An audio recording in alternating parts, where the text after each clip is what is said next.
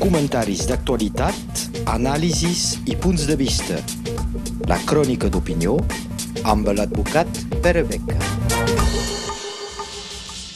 Ja és amb nosaltres Pere Beca. Bon dia. Bon dia. Avui, eh, és que tenim alguna notícia concreta del moviment independentista català? Doncs sí, notícies que són notícies preocupants. Eh, després de la brutal repressió del referèndum del 2017, que sembla que ningú se'n recorda, eh, fora de Catalunya, després eh, dels eh, procediments judicials que van acabar per més de 3 anys de presó per alguns polítics i més de 6 anys d'exili per altres, i que això ha tingut com conseqüència una pèrdua forta d'influència política de tota una sèrie de dirigents polítics, Oriol Junqueras, Raúl Romeva, Carme Forcadell, tots aquests estan fora del joc d'alguna manera. Ara s'acaba descobrint que a la consulta del 2014 l'estat espanyol ja en aquell moment va fer jugades, el que el rugby se'n diu jugades brutes. Recordem, Artur Mas era president de la Generalitat. Decideix el 9 de novembre del 2014 de fer una consulta sense valor jurídica, sense voler tirar una conseqüència, però una consulta a la qual s'afegeixen 2,3 milions de catalans, és a dir, més o menys 36% de l'electorat.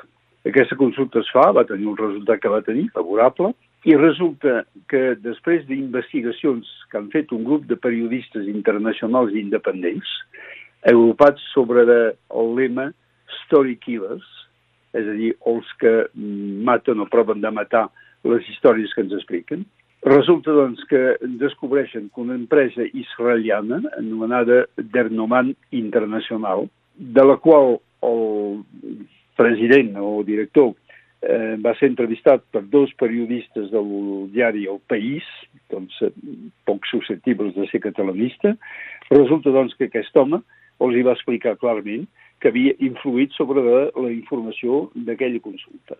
I que l'atac informàtica que va organitzar a través de la seva empresa israeliana va tenir conseqüències no sols sobre el sistema de vot, sinó també sobre tota l'organització del món sanitari, dels hospitals, amb desaparició de certes dades eh, de malalts.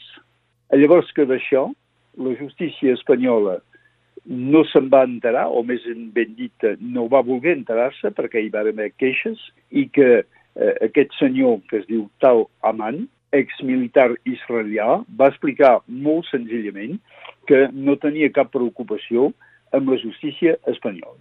La primera pregunta és si aquest senyor ha pogut intervenir amb el seu sistema informàtic, algú ho ha demanat. Qui? Doncs això encara no ho sabem. I de la mateixa manera que l'espionatge dels telèfons que van tenir lloc eh, poc després contra diversos polítics. Recordem que Roger Torrent eh, expresident de eh, l'Assemblea de Catalunya, doncs va fer un llibre sobre això, que sembla un llibre per fer una pel·lícula, sembla increïble. Doncs, eh, de la mateixa manera que el dia de l'1 d'octubre, en un moment determinat també es van descarregar les llistes electorals i obligar a la declaració del cens universal, doncs des del 2014 hi va haver-hi aquest tipus d'atac informàtica, molt difícils a entendre, molt difícil de veure com s'organitzen, i que ha acabat amb l'anàlisi del president Puigdemont, que diu que això és un gal, eh, referent a un grup eh, terrorista, un gal tecnològic. Doncs la pregunta és, això ara, el govern actual eh, d'Espanya està enterat d'això, ha sortit a premsa i ha hagut comentaris. Doncs si està enterat, per què no reacciona? Per què no posen en plaça les comissions d'investigació amb tots els poders que es va donar per fer la investigació sobre l'organització de l'1 d'octubre? Per què no fan les busques per saber al final qui ha pagat? Perquè molt probablement això ve de part del govern espanyol, és a dir, finalment dels impostos que paguen els espanyols. Ens heu parlat de la comunicació digital que ho ha destapat, però eh, quin és el lloc que ocupa la premsa més tradicional? Doncs la premsa tradicional, de tota la història de la premsa, hi ha hagut premses amb diverses interpretacions dels fets i per això la premsa és una mica més controlada. És a dir, que hi ha responsables eh, eh, jurídics de les publicacions i que no poden escriure qualsevol cosa. Però, per tant, si comparem la manera que la premsa tracta els, mateix, els mateixos fets em sembla extraordinàriament divers. I mirem eh, comparant la premsa catalana o la premsa internacional i la premsa francesa. El tema de les armilles grogues.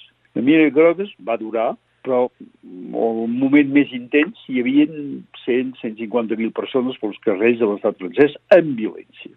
Doncs pot ser considerat com un acte important i justificar que la premsa s'ho agafi.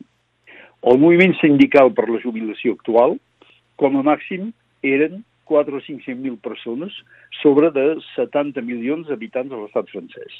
A Catalunya, per l'11 de setembre, abans del referèndum, es va arribar fins a un milió i mig de persones pel carrer, sobre de 9 milions de catalans, és a dir, més de 10% de la població.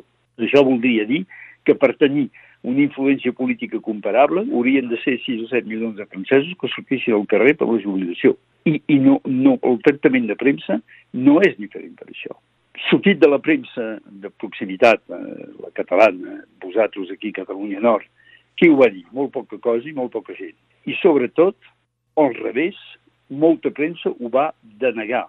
Llavors que s'obria un ple de la ciutat de Barcelona sense cap incident, que es va organitzar una via catalana de dalt a baix de, dels eh, països catalans, que es va fer la via democràtica i que tot això perfectament organitzat es va fer sense cap incident, doncs a la premsa això sort com una cosa banal, eh, sense cap incidència. Fins i tot a Perpinyà es van reunir més de 100.000 persones quan va venir Puigdemont, mai s'havia vist abans, mai s'ha vist després, segurament que no es veurà en aquest govern de la ciutat de Perpinyà.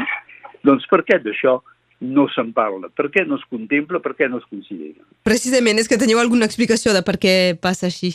No puc dir que tinc una explicació, perquè no sóc el, el cas de, de, tot, de tot el que podria ser, però una de les causes pot ser la falta, i això és eh, el problema des del primer moment, d'apoyo internacional. En el seu moment, el president Mas, en relacions personals, havia buscat el suport del eh, cònsul dels Estats Units, que va assistir a diverses accions. Després, el govern dels Estats Units va canviar i això va ser acabat. Al revés, aquest eh, suport internacional va arribar a ser fins i tot una eina de desinformació.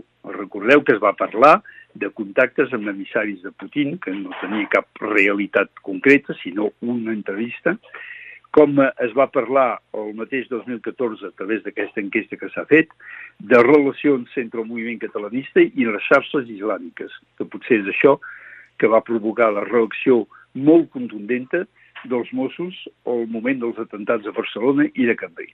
Però bé, el que falta és eh, aquesta apoyo internacional perquè cada estat, inclús els europeus, es troba amb una problemàtica potser no tan important però amb les mateixes bases i que no volen, i estic parlant més de l'estat francès, no volen que això pugui arribar al seu país.